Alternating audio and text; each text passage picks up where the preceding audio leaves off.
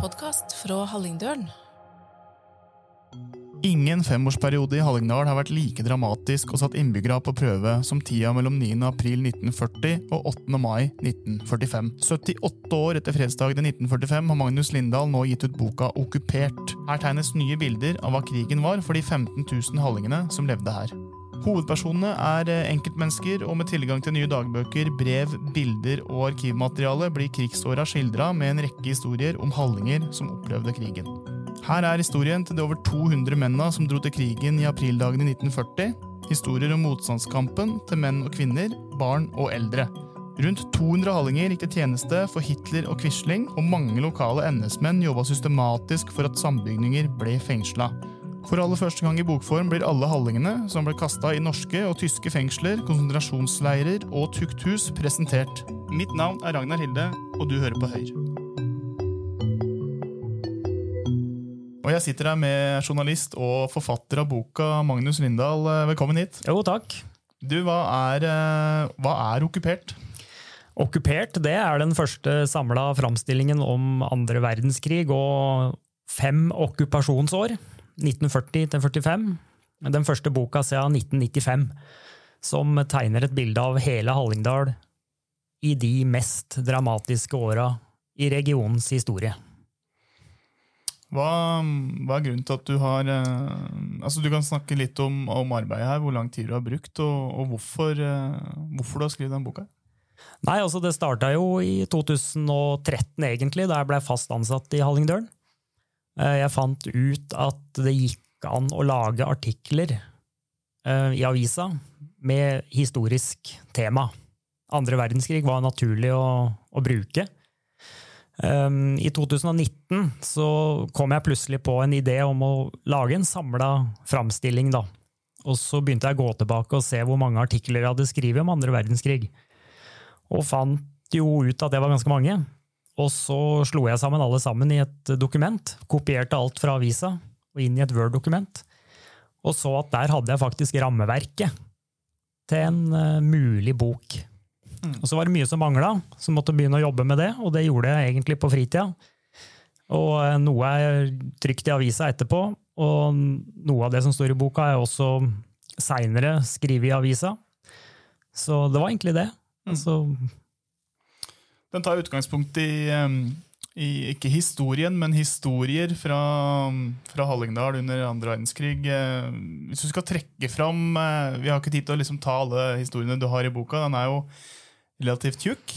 Ja. Men, eh, men altså, Jan Staknik for eksempel, er jo en mann, hvis du skal hoppe litt rett ut i det. Altså, fortell litt om han. Altså, Jan Staknik er jo en av fire personer som er på coveret i boka. Det er Jan Staknik, og så er det ei elleve år gammel jente som heter Anne Borghild Dynge fra Ål. Så er det motstandsmann Leif Levorsen fra Tunhovd. Han bodde på Geilo stort sett, da. både før og etter krigen, men han var født i Tunhovd.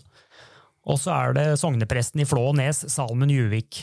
De fire pryder da coveret, med dramatisk historie på hvert sitt vis. Jan Staknik bodde jo ikke i Hallingdal under krigen. Det vil si, han kom i mars 1945, men han blei nesning var opprinnelig fra Polen. Og i Nes og i Hallingdal så var han kjent som, som, som en veldig innbitt fotballsupporter for Nesbyens A-lag. Mange ellers i Hallingdal vil huske han fra fotballkamper på 60- og 70-tallet som en ja, Han ville vel kanskje gå under navnet en hooligan for Nesbyen. Eh, ansatt i kommunens uteavdeling og var kjent i Nesbyen sentrum med sykkel og kjerre. Han kjørte ikke bil, men han hadde sykkel og kjerre. De fleste i Nesbyen, ingen i Nesbyen og i Hallingdal, visste historia han bar på. Og den er den mest dramatiske historia i boka. Og hvis det er én mann, kun én mann, i Hallingdal etter krigen som kunne trekkes fram for å forklare hva andre verdenskrig handla om, så var det Jan Staknik. Tatt som krigsfange hjemme i byen sin, Debika, eller Debica, det veit ikke helt åssen det uttales, i 1941. Av SS-soldater sendt til Krakow for legesjekk, og så på kuvogn sammen med mange, mange hundre andre polske krigsfanger til Berlin. Vi kjenner jo de bildene fra filmer bilder. Disse ekstremt dramatiske timene de opplevde når de blir tatt og sendt på, på kuvogner. Da, umenneskelige forhold. Og han kom til å oppleve fire umenneskelige år, som det egentlig er et under at han overlevde. Han var krigsfange, tvangsarbeider, slave for Hitler. I Tyskland, eh, i Nord-Finland, og så, under den dramatiske tilbaketrekkingen tyskerne måtte gjennomføre høsten 44, så blei Jan Staknik og flere tusen andre krigsfanger drevet gjennom Nord-Finland til fots. De satt sikkert på noen lastebiler, men gjennom hele Nord-Norge, mens tyskerne satte fyr på Finnmark og Nord-Troms. Og han ble drevet nedover Nord-Norge, til Trondheim, og han kom til Oslo nyåret 45. Og i mars 1945 så kom han og 50-60 andre polakker til Svenkerud i Nes. Og dette Hans historie er ganske godt da eh, Hva skal man si Godt uh, skildra i, eh, i, boka di. Eh, sammen med de tre andre historiene. Vi kan jo gå litt inn på eh, Leif Levorsen òg. Levorsen er en veldig eh, spesiell karakter. Etter mitt syn de, Han hadde alle egenskapene for å bli den perfekte soldat. Oppvokst i Tunhovd. Kunne sjølsagt da eh, bevege seg til fjells, både til fots, på ski, døgnet, året rundt. Um, sprek. Hadde et utseende som, um, som ga autoritet. Han, autori, han, hadde autoritet uten å være autoritær. Og Han hadde en enorm respekt bare ved han kom inn i et rom. Ehm, Leif Levorsen var en av pionerene i motstandsarbeid i Milorg i Hallingdal, i Hol, for han bodde jo på Geilo. Ehm, I 1943 så ble Leif Levorsen sendt til Sverige for spesialtrening. Hallingdal skulle velge ut én mann som skulle sendes til Sverige, og det ble Leif Levorsen. Så i skjul så reiste han sommeren 1943 med toget. Han sykla til Ål, for han turte ikke gå på stasjonen på Geilo, for der frykta han det var for mye kjentfolk. Så han sykla til Ål, og tok eh, toget til Oslo. Eh, han, eh, via lange omveier og en grenselos så kom han seg til Sverige sammen med flere andre. Og de neste månedene ut 1943 så var han i militær trening. Han blei en spesialsoldat, såkalt acting soldier. Han fikk nummeret nummer 28 etter hvert, og gikk da spesialoperasjoner mellom Sverige og Norge på grensa. Så han gikk da opp mot Han gikk mange mil vinteren 1944, eh, sammen med flere andre, med våpen, ammunisjon, peng, dokument, um, over grensa fra Sverige til det okkuperte Norge. En utrolig dramatisk historie, en fascinerende person. Som, som, jeg, som nevnt mener jeg han hadde alle egenskapene for å være den perfekte soldat. Men da freden kom, så takla han ikke freden. Han fikk nok sannsynligvis det som kalles posttraumatisk stressyndrom. Han hadde brukt eh, amfetamin når de gikk disse lange marsjene sine mellom Sverige og Norge. De hadde fått anbefalt å bruke et stoff kalt fenedrin. Kunne kjøpes over disk i Sverige, i apoteka der. Og gutta gikk i døgn i strekk. Han mente at seinvirkningene av det gjorde at han fikk ikke sove, han fikk mareritt. Og han blei ufør alt i 1974. Da var han bare noen og 50 år. Og han døde i 1983, og da var han bare 65 år. Så mannen som hadde alle egenskapene for å være den perfekte soldat, han takla ikke freden. Og det sa han sjøl òg. Han ville faktisk anmelde seg til tjeneste i Stillehavet etter 8. mai 1945. Som en av få fra Hallingdal? Ja, det var han og en til. Mm. Som, som, ville melde seg til tjeneste i Stillehavet. Men pga. mangel på befal på Nesbyen, som var hovedkvarteret for hjemmestyrkene, mm. rett etter 8. Um, mai, så, så ble han nekta. Og det må han vel si sannsynligvis være glad for. Mm. Nå har jo du eh, vært på en liten eh, turné i, eh, i, Hallingdal og, og prata om boka. Boka jo eh, hadde et opplag på, på 1000 bøker. Nå, eh, nå, har vi bestilt et opplag til. Det vitner jo om, eh, om ei bok som, som folk er interessert i. Hva kan du si om mottagelsen?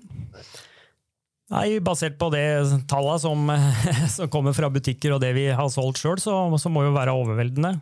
Uh, utrolig artig at så mange ønsker å skaffe seg boka. Det har vært på en del foredrag òg, og skal på noen til før jul. Og det har vært um, mye interesse og mange, mange, som helt tydelig har um, venta kanskje da, på, en, på en ny framstilling om andre verdenskrig i Hallingdal. Andre verdenskrig ser jo ikke ut til å gå helt av moten sjøl om det begynner å nærme seg 80 år siden freden. Det lages jo stadig filmer. Eh, nye dokument eh, blir tilgjengelig i nye arkiv, nye perspektiv på krigen kommer fram.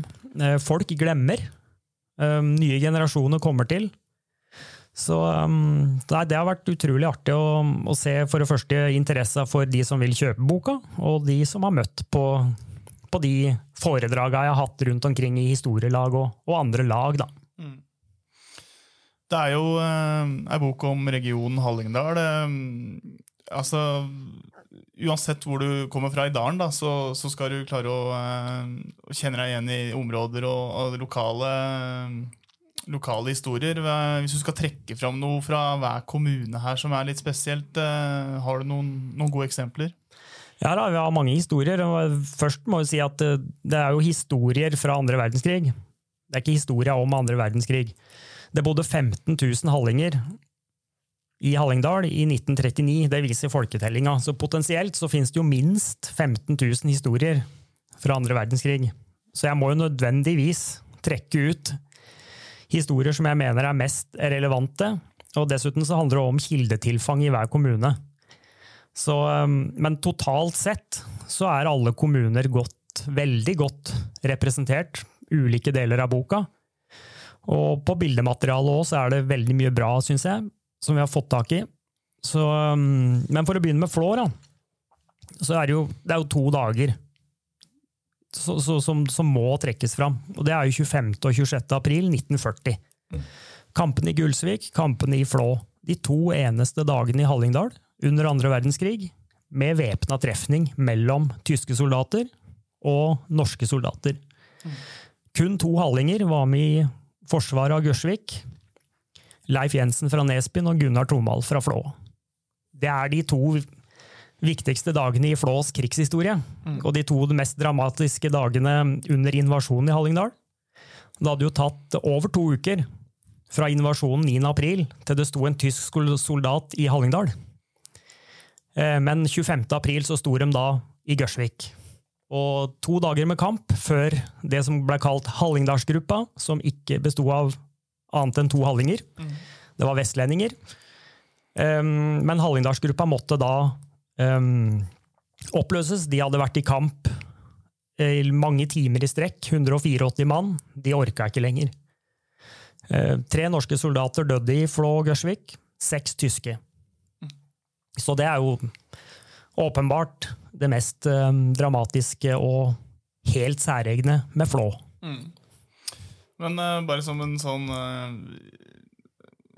For å spørre litt dumt, da, hvorfor, uh, hvorfor, blir det ikke kamper lenger oppover i Hallingdal? Hvorfor prøver ikke altså Var det rett og slett utmattelse som gjorde at ikke man hadde mer å gi i Hallingdal? Ja, altså Hallingdalsgruppa var utslitt. Mm. Rett og slett. De prøvde. Det var planer om, om, om et nytt forsvar ved Lioden, altså i Beiakleivi. Mm.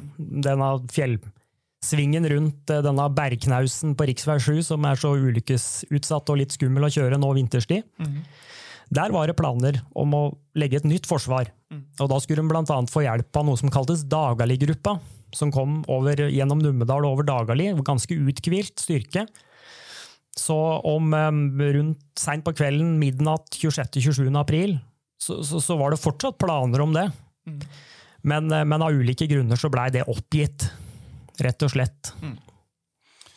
Ja, Kampene i, i, i, Gulsvik er jo godt illustrert òg. Det er jo litt viktig å ta med her at, uh, at boka har jo, har jo, mange gode grafiske framstillinger som, som, hjelper folk med å, med å forstå og, visualisere åssen det foregikk.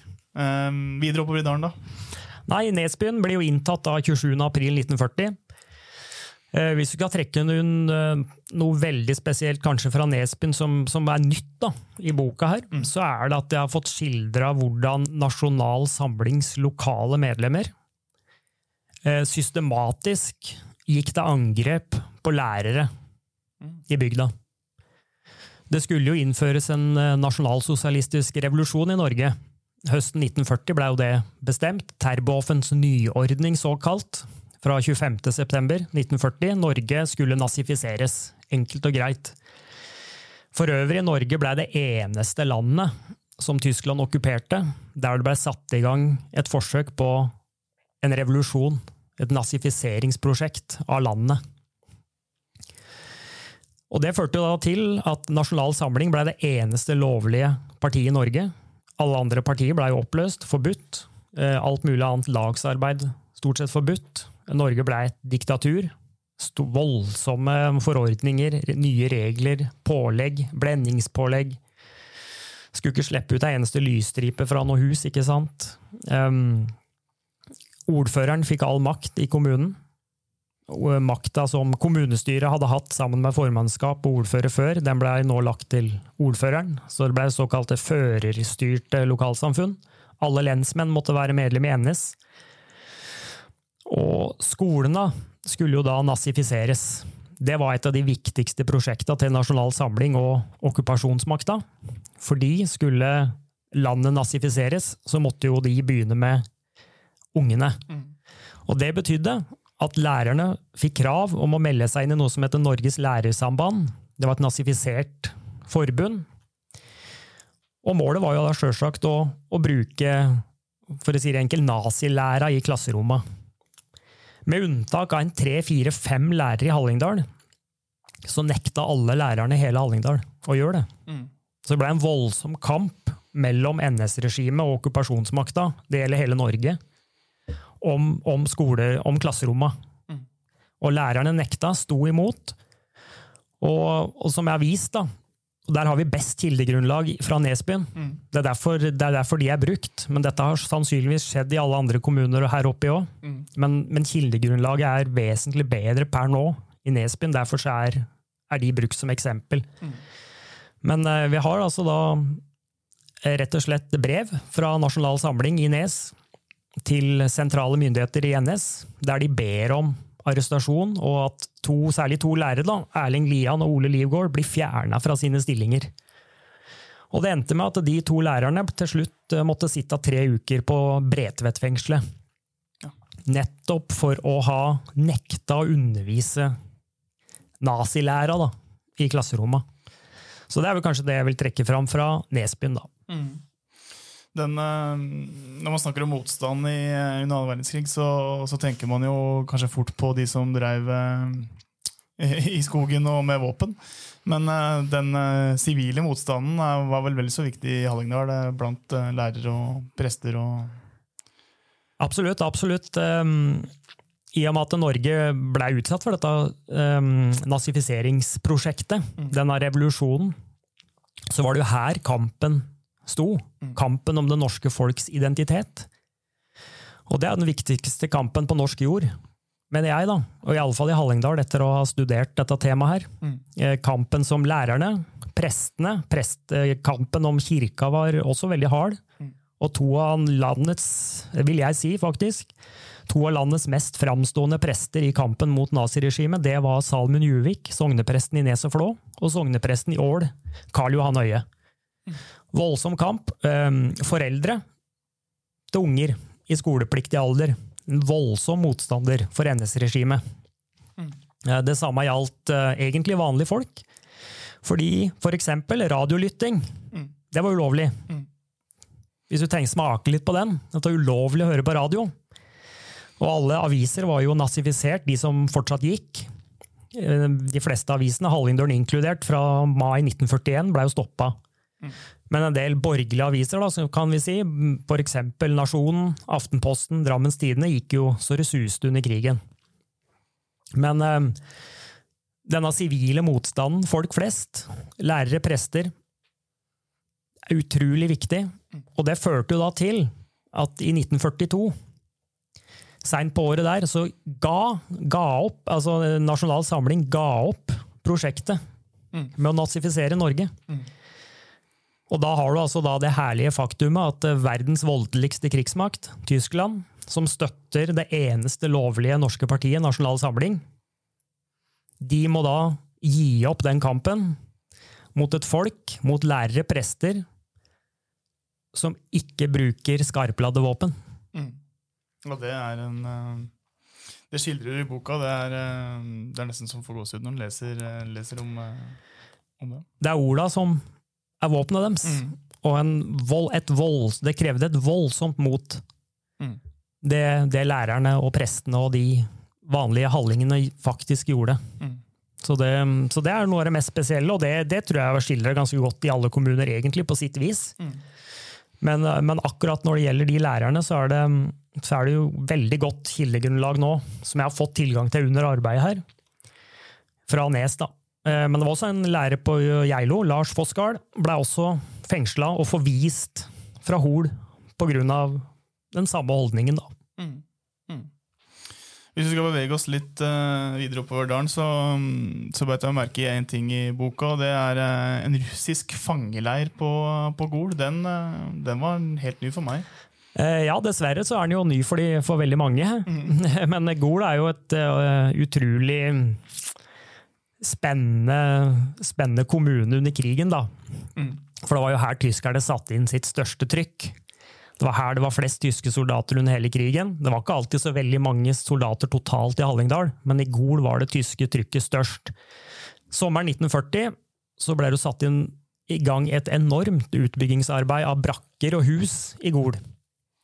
Det var reine Klondyke-stemninga i Gol.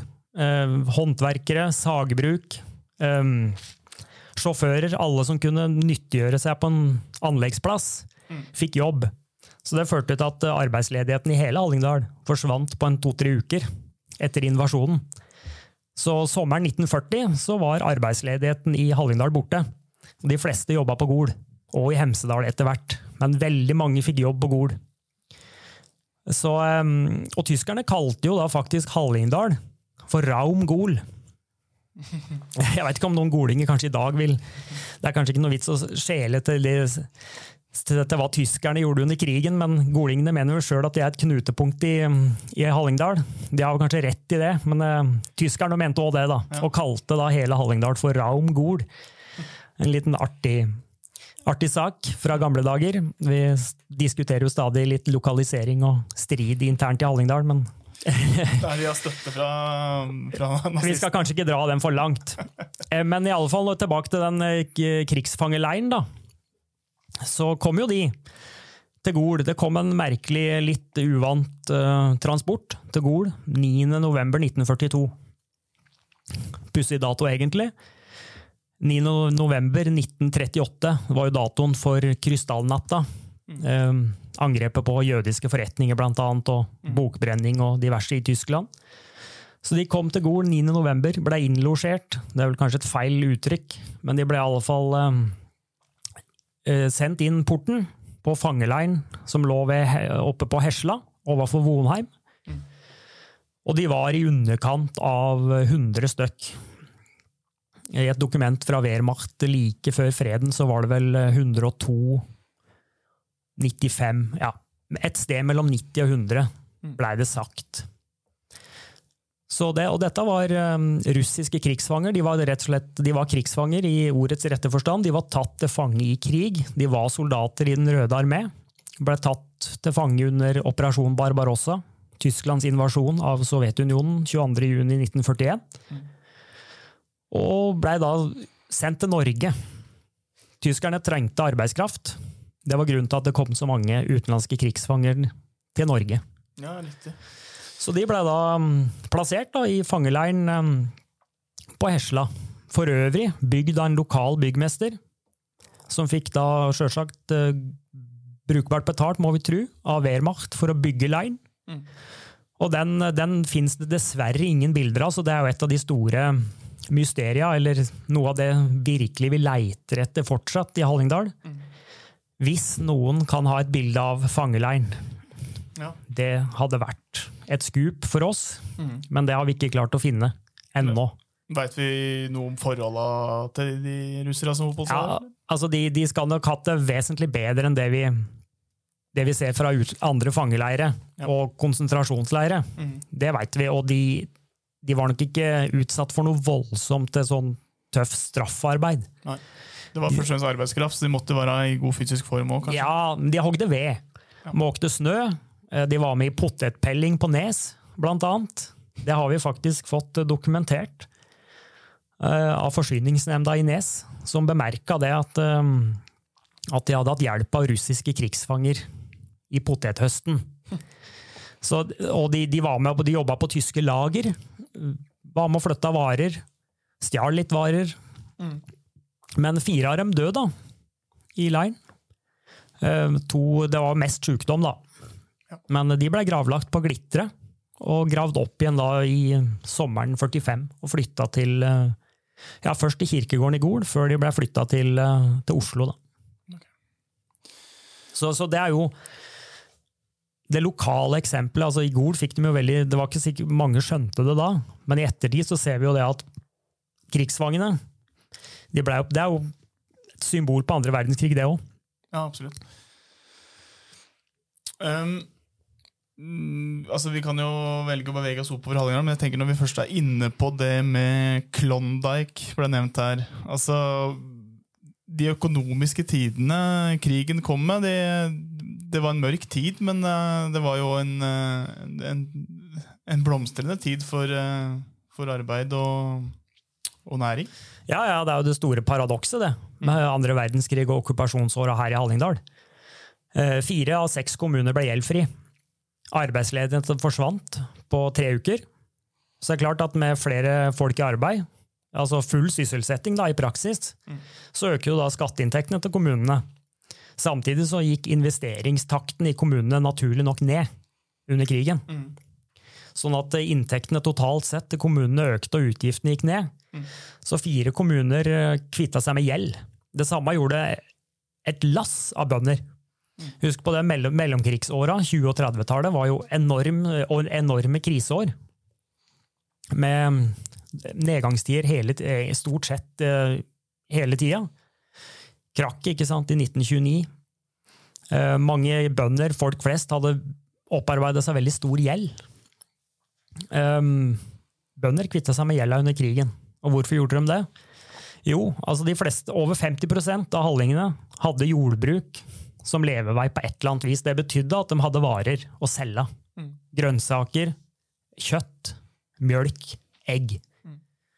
Og det solgte hallingene i rikt monn. Både lovlig og ulovlig. Og i kriminalitetsstatistikken i Ringerike politikammer fra krigsåra så er det en overvekt av bønder som drev svartebørshandel. Så de solgte varer til kraftig overpris fordi de faktisk hadde varene å tilby, og etterspørselen var enorm. Kanskje, eller mange, byfolk, byfolk som vi ville si i Hallingdal, hadde kjente slektninger, kontakter i Hallingdal, og fikk varer herfra som ble sendt på tog, oftest, og tilbake fikk hallingene veldig godt betalt. Vi har eksempler fra en mann på Ustadhuset som solgte noen fem kilo smør, var det vel, for 1500 kroner. Og det var et veldig godt eksempel fra ei stølskjerring i Nes, som solgte sine varer. Kan det være smør og mjølk, det? Hun sa at hun brukte få 30, nei, hun skulle ha 30, men hun brukte få 40. Ja. Altså Hun regna med vesentlig høyere pris enn det hun egentlig skulle ha. Og det er jo paradokset her i Hallingdal. At eh, tross de mørkeste åra i norsk historie, så blei det en økonomisk oppgangstid. Mm. Dr. Holms, for eksempel, gikk jo i overskudd allerede i 1940. Mm. Og fra 1942 og ut krigen så hadde Dr. Holms over en halv million i leieinntekter fra Wehrmacht. Mm. Sjåfører fikk jobb.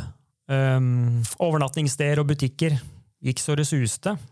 Uh, og det er klart, en butikk kunne, ikke, kunne jo ikke nekte tyskere å handle der. Så, um, så, så noe var nok i en veldig gråsone, mens noe annen næringslivsvirksomhet sjølsagt måtte gå som vanlig. Men den eh, bølga der klarte Hallingdal å surfe på ut etter krigen nå? At det har liksom redda Hallingdal for, for tida etterpå? Eller? Ja, det det veit jeg ikke helt, men eh, historikeren Kåre Olav Solhjell fra Gol, som skrev den forrige samla framstillingen om krigen i Hallingdal i 1995, han hevda at nettopp denne økonomiske oppgangstida i Hallingdal skaffa regionen et forsprang på nabodalførene Mm. etter krigen. Mm. Nå har ikke jeg gått nærmere akkurat inn i det temaet, men det hevda han. Mm. Uh, og det er jo ikke tvil om at uh, både vei uh, altså Tyskerne satte jo over 1000 mann i arbeid på veinettet i Hallingdal fra sommeren 1940. Mm. Og de satte jo i gang eh, De fortsatte jo kraftutbygginga i Hol. Mm. Hadde jo mål om å være ferdig oppi der til 44. Det var jo ikke mulig. Men um, så, Så infrastruktur og, og, eh, og utbygging eh, Ja, kan vi si ja. de, de bidro sterkt til, da. Kanskje Ja, i hvor stor grad tør jeg egentlig ikke si. Vi veit nok ikke det helt. Men, men, at, men, men at næringslivet, av at krigen ble en oppgangstid, Mm. så er klart at næringslivsfolk nøt godt av det Mm. utover på 50-tallet. Mm. Det er det ingen tvil om. Så ble det sett på det å liksom handle Du snakker om de bøndene som solgte mat, og sånn, det, det solgte de til byfolk. Så det var kanskje ikke noe eh, altså at det gikk inflasjon i, i prisene og sånn, det, det var jo for, sånn for alle. Men det å handle med, med tyskere, åssen ble det sett på? Å tjene seg rik på, på tyske penger? Ja, altså, tyskerne de gikk jo rundt på gårder i Hallingdal. Det er jo rapportert fra alle kommuner, egentlig. Var gode eksempler på det både fra Hemsedal og Hol i boka her. Eh, Det gjelder jo 1940-41, men da kom de rundt, kjøpte mjølk, smør, reveskinn, Mm. eh, og sendte hjem. Blant annet reveskinn særlig, da. Men, eh, og de betalte for seg, tyskerne. Det, det tror jeg ikke blir sett på som noe sånn kritikkverdig da. Nei. Og det bør det ikke, kanskje ikke gjøres nå heller, syns jeg. Nei. Men eh, problemet oppstår jo når entreprenører, da, spesielt i Gol, tok store oppdrag etter hvert for, eh, for, for Wehrmacht. Da. Mm. I starten så var jo ikke det å ta arbeid for tyskerne heller kritisert fra regjeringa i London. Og heller ikke fra hjemmefrontledelsen. Så en sånn type økonomisk kollaborasjon, som det het, det var jo nødvendig, og det var ikke sett på med, med helt Altså, det var ikke alle som klaga på det. Men, men etter hvert i krigen, kanskje fra 42-43 og utover, så blei det som kalt tyskerarbeid. Det blei sett på som eh, sånn som noe kriminelt, omtrent. da. Mm. Så, um, så det, var et lite, det er litt tidsskille i krigen der. I starten så var ikke dette her um, så veldig omdiskutert. Nei. Men det er kanskje, og de, Du hadde jo de som ble kalt brakkebaroner. da. Mm. Altså de lokale. Det gjelder jo nordmenn over hele landet, det. Som tok arbeid for tyskerne og tjente gode penger. da. Skal vi se, vi kan jo ehm, Jeg er interessert i å høre videre om, om de ulike kommunene, om du har noe, ehm, noe snacks fra Ja, vi- både Hemsedal og Hol og Ål. Men eh, Vi får ta stikkeren opp om Hemsedal først. da. mm, Hemsedal, der er det jo noen historier i boka her som er blant de viktigste og beste, syns jeg. Mm. Um, en historie er fra høsten 1942, oktober-november 1942. Og det er, det, det er egentlig et tidsskille i andre verdenskrig i Hallingdal.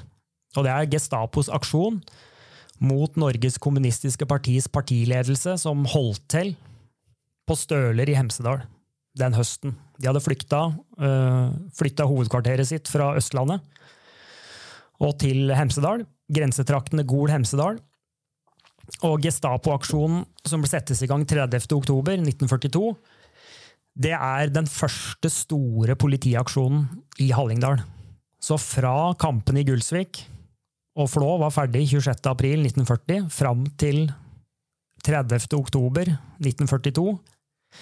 oktober 1942, så var det ikke én eneste konfrontasjon mellom nordmenn og tyskere, eller norsk politi, men spesielt da tyskere, i Hallingdal. Så den aksjonen der markerer et tidsskille. Eh, Som da fører til at Tor Bråten fra Grønlio i Gol til slutt blir skutt. eh, Fordi det var han som leide ut de stølsbuene som NKP-ledelsen leide. Og han ble da satt i sammenheng med NKP, Og kommunistene var jo Gestapos aller største fiende. Så etter grov tortur, inne på Skogstad hotell i Hemsedal, så blei Tor Bråten etter hvert henretta eh, ved elva Hemsil, akkurat over kommunegrensa til Gol. Og en rekke andre hemsedøler og golinger blei tatt inn til forhør og slått, sparka, torturert. Sånn at eh, aksjonen i Hemsedal det er det verste eksempelet på krigsforbrytelser som Gestapo begikk mot sivilbefolkningen i Hallingdal. Fordi at ingen av de som ble tatt inn til avhør, slått, banka, torturert, kunne knyttes til verken Milorg eller NKP. Dette var sivile. Sånn at den aksjonen i Hemsedal da, den er, um, den er helt, helt spesiell i krigshistoria om Hallingdal. Ellers vil jeg trekke fram fra Hemsedal at vi har to av de viktigste historiene om folk som satt i fangenskap. Over 100 hallinger satt i fengsel under krigen. Eh, mange av dem, flere av dem, på Grini. Og vi hadde noen få i utenlandske tyske konsentrasjonsleire. En av dem, Thomas Bakkene, lektor på Hallingdal gymnas gjennom en årrekke, som veldig veldig mange husker fortsatt, satt i Buchenwald. Sånn at han, historien om han Han lot seg jo intervjue av Hallingdølen flere ganger, heldigvis. Så vi har basert kapittelet om han på, på det mye. Og, og, og, han overlevde jo da tidvis med nød og neppe Buchenwald, en konsentrasjonsleir. Og fra Hemsedal òg, så vil jeg også trekke fram en nesten ukjent historie, vil jeg si. Og det var da Frelsesarmé-offiseren Syver Bostø, som var stasjonert på Indonesia. Som blei tatt av japanerne da Japan invaderte øya. Og han satt da i japansk krigsfangenskap. Så fra Hemsedal så kommer det egentlig tre av de sterkeste historiene i hele boka. Mm. I tillegg til ja, altså, Dette er ny informasjon i tillegg, da, som ikke har uh, Ja, altså, altså Den Gestapo-aksjonen er jo vel kjent gjennom mm. andre bøker, og, og, og, Thomas Bakkenes historie gjennom Hallingdølen er jo mm. for så vidt vel kjent. Mm. Men, eh, men Syvel Bostø mm har jeg ikke sett det har blitt skrevet noe særlig om siden han eh, lot seg intervjue i Buskeruds Blad i 1946. Okay. Og så fant jeg historia om en, i en bok om Frelsesarmeen. Ja, riktig. Så, så, den tror jeg er ganske ukjent for de aller, aller fleste. Mm. Um, om Hemsedal så er det en liten kuriositet til. Uh, jeg har så langt klart å finne kun ett NS-medlem ja. i Hemsedal. Så Hemsedal er, eh, kommer best ut av kommunen i Hallingdal når det gjelder antall medlemmer i NS. Totalt 193 har jeg notert meg her. Eh, ja, det skal være om, om lag det, ja. Mm. Eh, Flå og Nes flest, med 47 hver. Ja. Så det er jo Flå, da, sånn sett, som, som har flest medlemmer ut fra folketall. Mm. Så kan vi jo ta turen vi kan jo ta turen videre oppover dalen. da. Mm. Vi er ferdig med Hemsedal. Mm. Til Ål. Ål hadde jo noen veldig spennende personligheter som, som, var viktige under krigen. August Pale, doktor, han var en slags edderkopp. Han, hadde, han spant nettet sitt i motstandsbevegelsen både sivilt og militært. Legekontoret hans var postkasse for hemmelige meldinger. Han skrev ut legeerklæringer, falske sådan, eh, kanskje falske reisebevis, som, som ga folk mulighet til å reise på toget. Mm. Måtte jo ha spesialløyve for å gå av på Oslo, på Østbanen mm. i Oslo. Du måtte jo ha reisebevis for å reise mer enn tre mil. Og dette skrev leger som August Pale ut til motstandsfolk som trengte å reise. Eh, Åla er jo senteret annet for mye av Milorg, altså motstandsbevegelsen i Hallingdal. Otto Pale holdt jo til her i Ål og Hol. Og, ehm, og, og, og men, men, kanskje den aller viktigste, eller den mest dramatiske historien fra Ål, det er jo likvidasjonen av Levol Rån, en bygdemann, 12. mars 1945. Det er liksom den, den historien som, som, må trekkes fram om Ål. Og den er jo ikke bare en av de mest dramatiske aksjonene under hele krigen, men den er jo en av de mest dramatiske hendelsene i noen gang i Hallingdal. Fordi Levold Rån var jo tilknytta tysk etterretning. Og blir da likvidert 12. mars, hjemme på trappa si, her i Ål. Og de som gjør det, er to ålinger. Ja. Og det har blitt en veldig omdiskutert aksjon. Likvideringen av nordmenn, fordi det var det det var. Milorg satte i gang en Det var jo likvidert 82 eller 84, alt ettersom du ser det, nordmenn under krigen. Og de ble likvidert av norske hjemmestyrker. Og det var da såkalt defensive forsvarstiltak. Og Leopold Raa blei da likvidert ikke fordi noen hadde gjort, men fordi hjemmestyrkene frykta han kunne utgjøre en fare for dem. Men det fins ingen bevis for at Leopold Rån var en fare for Milorg. Han hadde ikke gjort noe kritikkverdig. Og ikke noe som hadde satt bygdefolk i fare. Men det er altså da Erling Lorentzen, det har han skrevet om i sin egen bok. Til den seinere svigersønnen til kong Olav, ikke sant? Som var en sentral og omdiskutert motstandsmann her i Hallingdal. Som tok den siste avgjørelsen om at han skulle skytes. Og det er da to bygdefolk som skyter han. I seg sjøl er jo det ekstremt dramatisk. Altså, Vier du mye tid til det i boka? Ja, altså, Lever du rån, han Sjølsagt så han en, har han en plass mot slutten av boka når vi er inne på 1945, og seieren nærmer seg. Mm. Så, så, den er jo litt spesiell i og med at den skjer så seint i krigen òg. Mm. Mars 1945, da begynner det å utkrystallisere seg en, en vei mot seier for de allierte og Norge.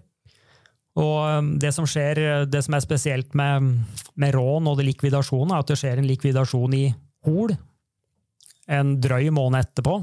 Olav Rueslåtten blir drept, også av lokale Milorg-folk.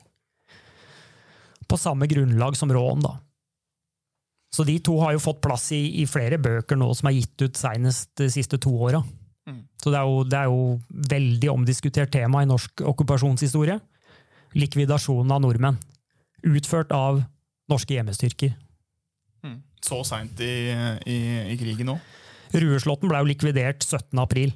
Mm. Så, um, så til opp til i dag så, så, så, diskuteres det jo hvem som ga ordrene om å skyte de to hallingene. Ja. Formelt, da, fra hvor høyt det kom, det veit vi ikke. Så det er, det er mer å, å, hente akkurat i de, i de sakene der? Nei, jeg er ikke sikker. De som, de som utførte disse drapa, de er jo døde. Mm. Og vi veit nok hvem det var. Mm. De navna er det noen få av oss som veit. Men så lenge ikke de, de har fortalt om det offisielt, da, mm. og det ble vel etterforska så vidt, de, de drapa, men men, men ulikt mange andre likvidasjoner i Norge, mm. blant de som hjemmestyrken utførte, så er de i Hallingdal to av de vi ikke veit nøyaktig navna på de som skøyt. De bøker som er gitt ut, så, så er det faktisk skrevet hvem som skøyt. Ja. I noen tilfeller. Så dette er noe som kan uh, egentlig forbli et mysterium? Uh, ja, på et vis, på et vis så, så, så, er nok omstendighetene rundt de to likvidasjonene her Det kommer nok ikke til å bli oppklart er mitt eh, tips. Men, eh, men, jeg eh, skal være veldig glad hvis noen kommer med, med nye dokumenter som kan vise Det som er diskusjonen, er liksom hvem som tok avgjørelsen. Mm. Hvor høyt opp kom den Hvordan kom, hvordan kom den endelige beslutningen om å skyte de to? Mm. Det er liksom, to, det, er liksom det store temaet. Mm. Der er det litt ulike syn på, på hvem det kan ha vært. da. Mm. Nå har vi vært gjennom uh, Hallingdal, men også nevner du Hol her. Uh, ja. Noe mer fra, fra Hol som er uh... Ja, Mye skjedde jo i Hol. Det gjør det i dag. Det gjorde det under krigen. um, Geilo var et interessant sted for tyskerne, det òg. De der og Sammen med Gol, så var nok et, altså etter Gol, så var Geilo nok det stedet der det tyske trykket var sterkest. De hadde jo også en leir, tyskerne, på Torpomoen. Men, men Geilo var et knutepunkt, det òg mot fjellet, ikke sant? Mot Mm. Hardangervidda, mot ferdselsårene over til Bergen på Bergensbanen og Hardangervidda. Mm. Så, men det noe av det spesielle i Hol. Um, Hol er jo kommunen i Hallingdal som hadde flest fanger. Det er flest holinger som ble fengsla under krigen. Over 30. Sendt i fengsel. Var veldig mange til Grini. Hvorfor er det tilfeldig, liksom? Ja, altså Det har jo litt å gjøre med, med tungtvannsaksjonen i 1943. Den legendariske og verdenskjente aksjonen mot Vemork. Operasjon Gunnerside, leda av Joakim Rønneberg. 28.2.1943, var det vel. Eh, Fem av de her de flykta jo, eller måtte i hvert fall komme seg til Sverige etter aksjonen. Så leda av Joakim Rønneberg, så gikk de da, og de kom da til å ta, passere gjennom eh, Dagali-Skurdalen. Eh, gjennom eh, på fjell, fjellet mellom Ål og Nesbyen. De overnatta i ei mm, setebu i Nes, før de da gikk ned lia til eh, omtrent der, der det står på rv. 7 i dag, der det står oppkjøring til meteorittkrateret. Omtrent i det området der, enkelt forklart, kom de ned og kryssa elva, og gikk opp lia på andre sida, opp i Haugaplassen og over mot Gol. Før de da passerte dalføre etter dalføre og kom seg til Sverige. Etter aksjonen da, i Vemork så satte jo tyskerne i gang en enorm razzia. Og de sperra etter hvert da hele Hardangervidda. Og det ble sendt et voldsomt oppbud både til Rødberg og til Geilo, fordi at det var rapportert om at det var sett skiløpere i området. Men tyskerne og norsk politi lå alltid en fire-fem dager etter sabotørene. Så når, sabotør, når det ble meldt inn til lensmann i Nes om at det var sett eh, skiløpere i grensa mellom Ål og Nes på fjellet, og lensmann kom seg opp, og, så, så var det allerede gått en fire-fem dager.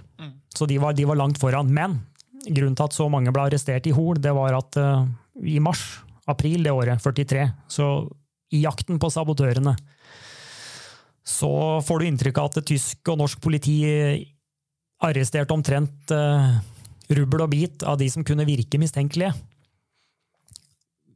Kanskje, kanskje mistenkte dem at de hadde hjulpet dem på et vis. Men eh, de blir da arrestert for radiolytting, for å ha ulovlig våpen, for tjuvjakt på rein. Men, men det, det er et ledd i altså De blir arrestert for helt andre ting. Det står i fangeprotokollene hva de er arrestert for. Eh, og det er ikke å hjelpe sabotører. Men det er på en måte i, i, i den aksjonen. En slags desperasjon, på en måte? Det kan nesten virke som at de, de bare tok noen for å ta noen, når de første var i gang. Ja. Eh, For det var egentlig jakten på sabotørene som, som utløste den store aksjonen på Geilo og i Hol. Men de er tatt for helt andre ting. Men det fører i hvert fall til at eh, over 30 holinger satt i fengsel. Ei kvinne. Den eneste kvinna, Olaug Johnsen, er, eh, var fra Hol. Dessverre så kjenner vi ikke helt eh, Det står i alle fall ikke i fangeprotokollen hennes hvorfor hun ble arrestert, men det er vel på mistanke om et eller annet. Og sånn som det er i et diktatur, så kasta de folk i fengsel over lengre tid og sendte folk til Grini, rett og slett på mistanke, uten lov og dom. Jeg veit ikke åssen vi skal um, Hvordan vi skal um, komme oss mot, uh, mot slutten her. Um, det er jo mye som skjer i, i den tida. Vi har jo òg det mørkeste året i Hallingdals historie, som du sier, er 1944. Ja, helt klart. Eh, Hvorfor, hvorfor, hvorfor sier du det? Eller mener du det? Ja, nei, også I boka så har jeg jo kalt, eh, kalt det året for tragedienes år, og det er et eget kapittel. Det var det at når under arbeidet med boka her, så, så så jeg plutselig et mønster, og at noen av de mest dramatiske ulykkene, aksjonene, dødsfalla Alle dødsfall er jo dramatiske, alle aksjoner under krigen er jo det, men det var så mange i 44. Så jeg har valgt å samle alle de i ett kapittel. 40 mennesker, personer, blei drept da i uh, ulykker eller aksjoner det året. Så det gjør jo da 1944 til liksom det, liksom det, det soleklart mest eh, krevende året sånn når det gjelder eh, tap av menneskeliv. Da. For hvor mange menneskeliv gikk tapt under krigen uh, som følge av krigen? Nei, altså jeg har jo da regna cirka, da, og da har jeg tatt med tap på tysk side. Og da har jeg kommet fram til ca. 70. Så fra de første falt um, Det var jo hallinger som ble drept på andre frontavsnitt før kampen i Gulsvik. Altså de falt nedpå i opplandstraktene, ved Gjøvik. Men, eh, men 70 personer, medregna omtrent en 10-12 tyskere, Mm. som dør, da. Enten innafor regionens grenser, eller hallinger som, er, som dør utafor regionens grenser. Mm. Eh, Blant annet så har vi jo da en frontkjemper, Einar Sundve fra Geilo, som ble drept på østfronten 2. mai 1944. Jeg bare mm, legger merke til at det er, det er mye navn. Er, altså, det er helt konsekvent eh, en slags eh, hyllest til de som var i kamp. Altså, hvorfor, eh, hvorfor velger man å bruke, bruke navn så konsekvent? Nei, altså jeg mener jo at uh, enkeltmenneskets historie er det helt sentrale. Mm. Det er jo en verdenskjent historiker som heter Anthony Beaver, som har skrevet mange av de store verka om Stalingrad, om nederlaget i Berlin. De store, store verka om andre verdenskrig. Og han sier Han mener at enkeltmenneskets skjebne blir altfor lett å over, bli overskygga. Mm. Fordi at statistikkene for andre verdenskrig de, vi, de tallene er så enorme at vi klarer ikke ta inn over oss det. Men problemet er at det ofte overskygger enkeltmenneskets skjebne. Mm. Og det var jo enkeltmenneskene som ble ramma. Tenk på alle de moralske valga våre besteforeldre eller oldeforeldre måtte ta. Noen valgte å gå inn i Milorg, andre gikk inn i Nasjonal Samling. Det er enkeltmenneskets historie jeg fortrinnsvis ønsker å få fram. Mm. Og som det viser her i Hallingdal, som jeg mener, da, at veldig mange enkeltmennesker, hallinger, var med på utrolig mye forskjellige dramatiske aksjoner. De sto opp i enorme kamper. Kvinner, barn, menn, eldre, unge. Mm. Og det er egentlig de, de som er viktige å få fram. Det er det den boka her eh, er. Ja, den handler om folk. Åssen eh, gikk det med, med folk etter krigen? Eh, du skildrer jo en eh, altså Alle har jo sett bildene fra Oslo når krigen var over. Men åssen var det i Hallingdal de dagene før, før frigjøringsdagen? Nei, altså frigjøringsdagen, for å ta den 8. mai, og de maidagene var jo folk Altså, de som har opplevd det, det, det går ikke an å glemme. Det sier jo alle. Så hallingene merka at det gikk mot fred, fra, alt fra slutten av april og utover i mai. sånn at det var Folk flagga allerede 1. mai, 2. mai, 3. mai. Konfirmasjonssøndag tidlig i mai så flagga de på Geilo. Og det var jo ikke lov. Og um, det var konserter med mye norsk musikk, blant annet, på Sollys i Nesbyen 6. mai. Sånn at folk begynte nok å til dels feire litt fred veldig mye før 8. mai. Mm. Men så brøt jo freden løs, for å si det sånn. Og da var det jo en eneste stor fest, visstnok. Norge i fredsrus i, i, i, i flere uker, da. Du har jo fått eh, noen utdrag fra um, ei dagbok, særlig, som, eh, som eh, skildrer det godt, med, med hvor, hvor de skrur radioen på full guffe i vindua, og de deler ut aviser, og det er mye det er mye man kan leve seg inn i når man leser de eh, personlige betraktningene i Ja. de dagene. Absolutt, absolutt. Så det, nei, det var nok utrolig um, begivenhetsrike dager. Og for, um, for mange så gikk nok kanskje litt, tok nok litt overhånd, denne rusen som mange inntok. Um, så, så, så, så det var jo mange i hjemmestyrkene som sa det at det var en større prestasjon å overleve freden enn det var å overleve krigen. For uh, inntaket av alkohol tidvis var vel høyt, og mange gikk fortsatt med skarpladde våpen.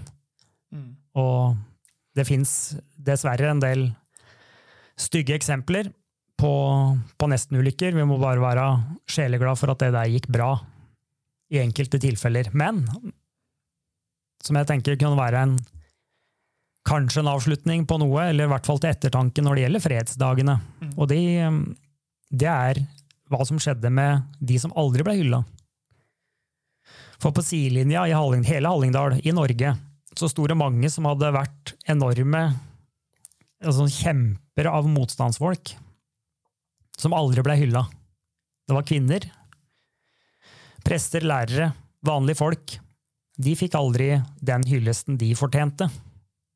Sånn at um, Og det grelleste eksempelet er jo, det har jeg heldigvis nå, for første gang i bokform i Hallingdal, fått dokumentert de aller fleste krigsseilerne. Og for dem så var ikke fredsvåren 1945 og sommeren 1945 Det var ingen fest. De ble, mange av dem kom hjem sommeren 1945. Og de var lova, blant annet, det har vi en beskrivelse av en som het Fridtjof Lingelem i Hol. De var lova at de skulle bli tatt imot på brygga i Oslo av marinen, av det offisielle Norge.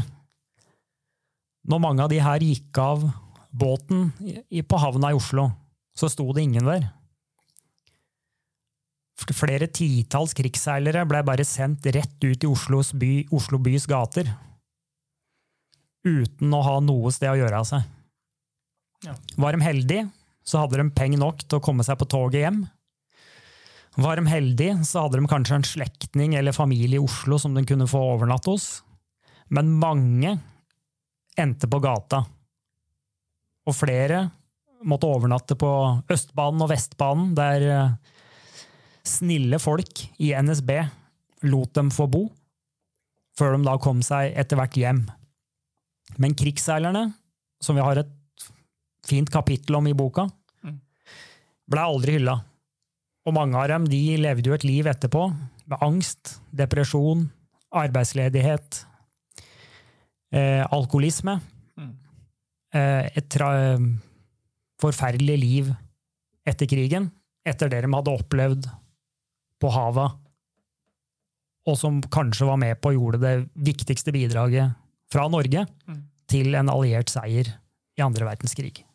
Det gjør jo så klart inntrykk, det du, det du sier om, eh, om krigsseilere. Det regner med at det har vært, eh, vært eh, Eller gjort det hos deg òg. Men hvis du skal etter tror at Når du sitter med boka her i hånda, hva er det som henger igjen som en, noe du husker godt, og noe som, som virkelig har ja, gjort inntrykk på deg? da?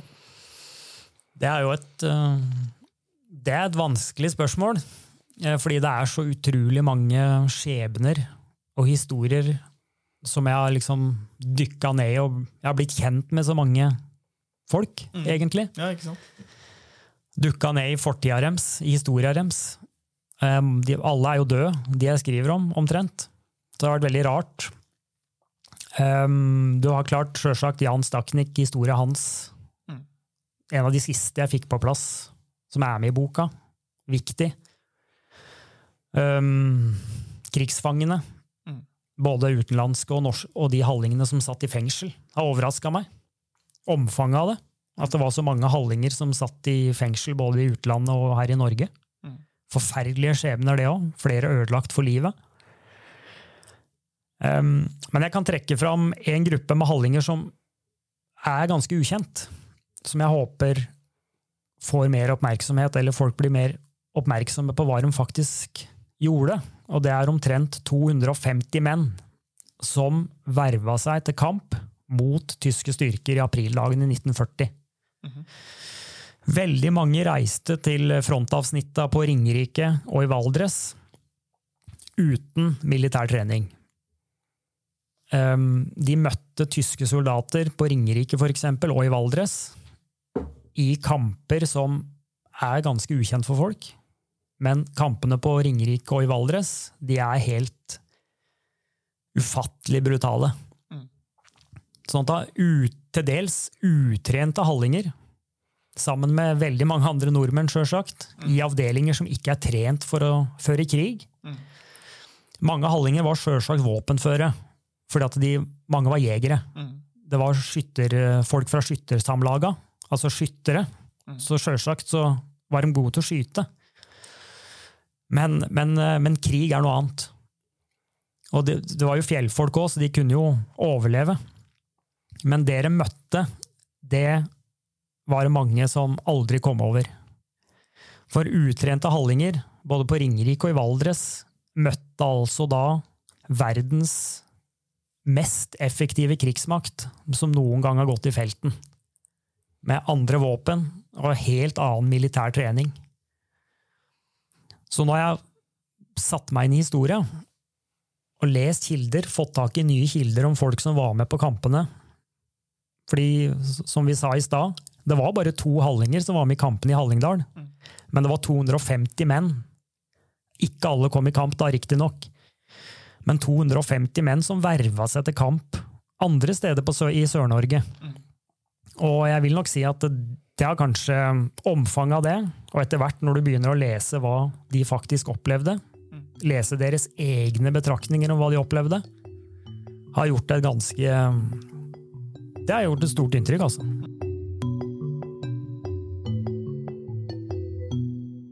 Du har hørt Høyr, en podkast fra Hallingdølen. Ansvarlig redaktør Lillian Holden.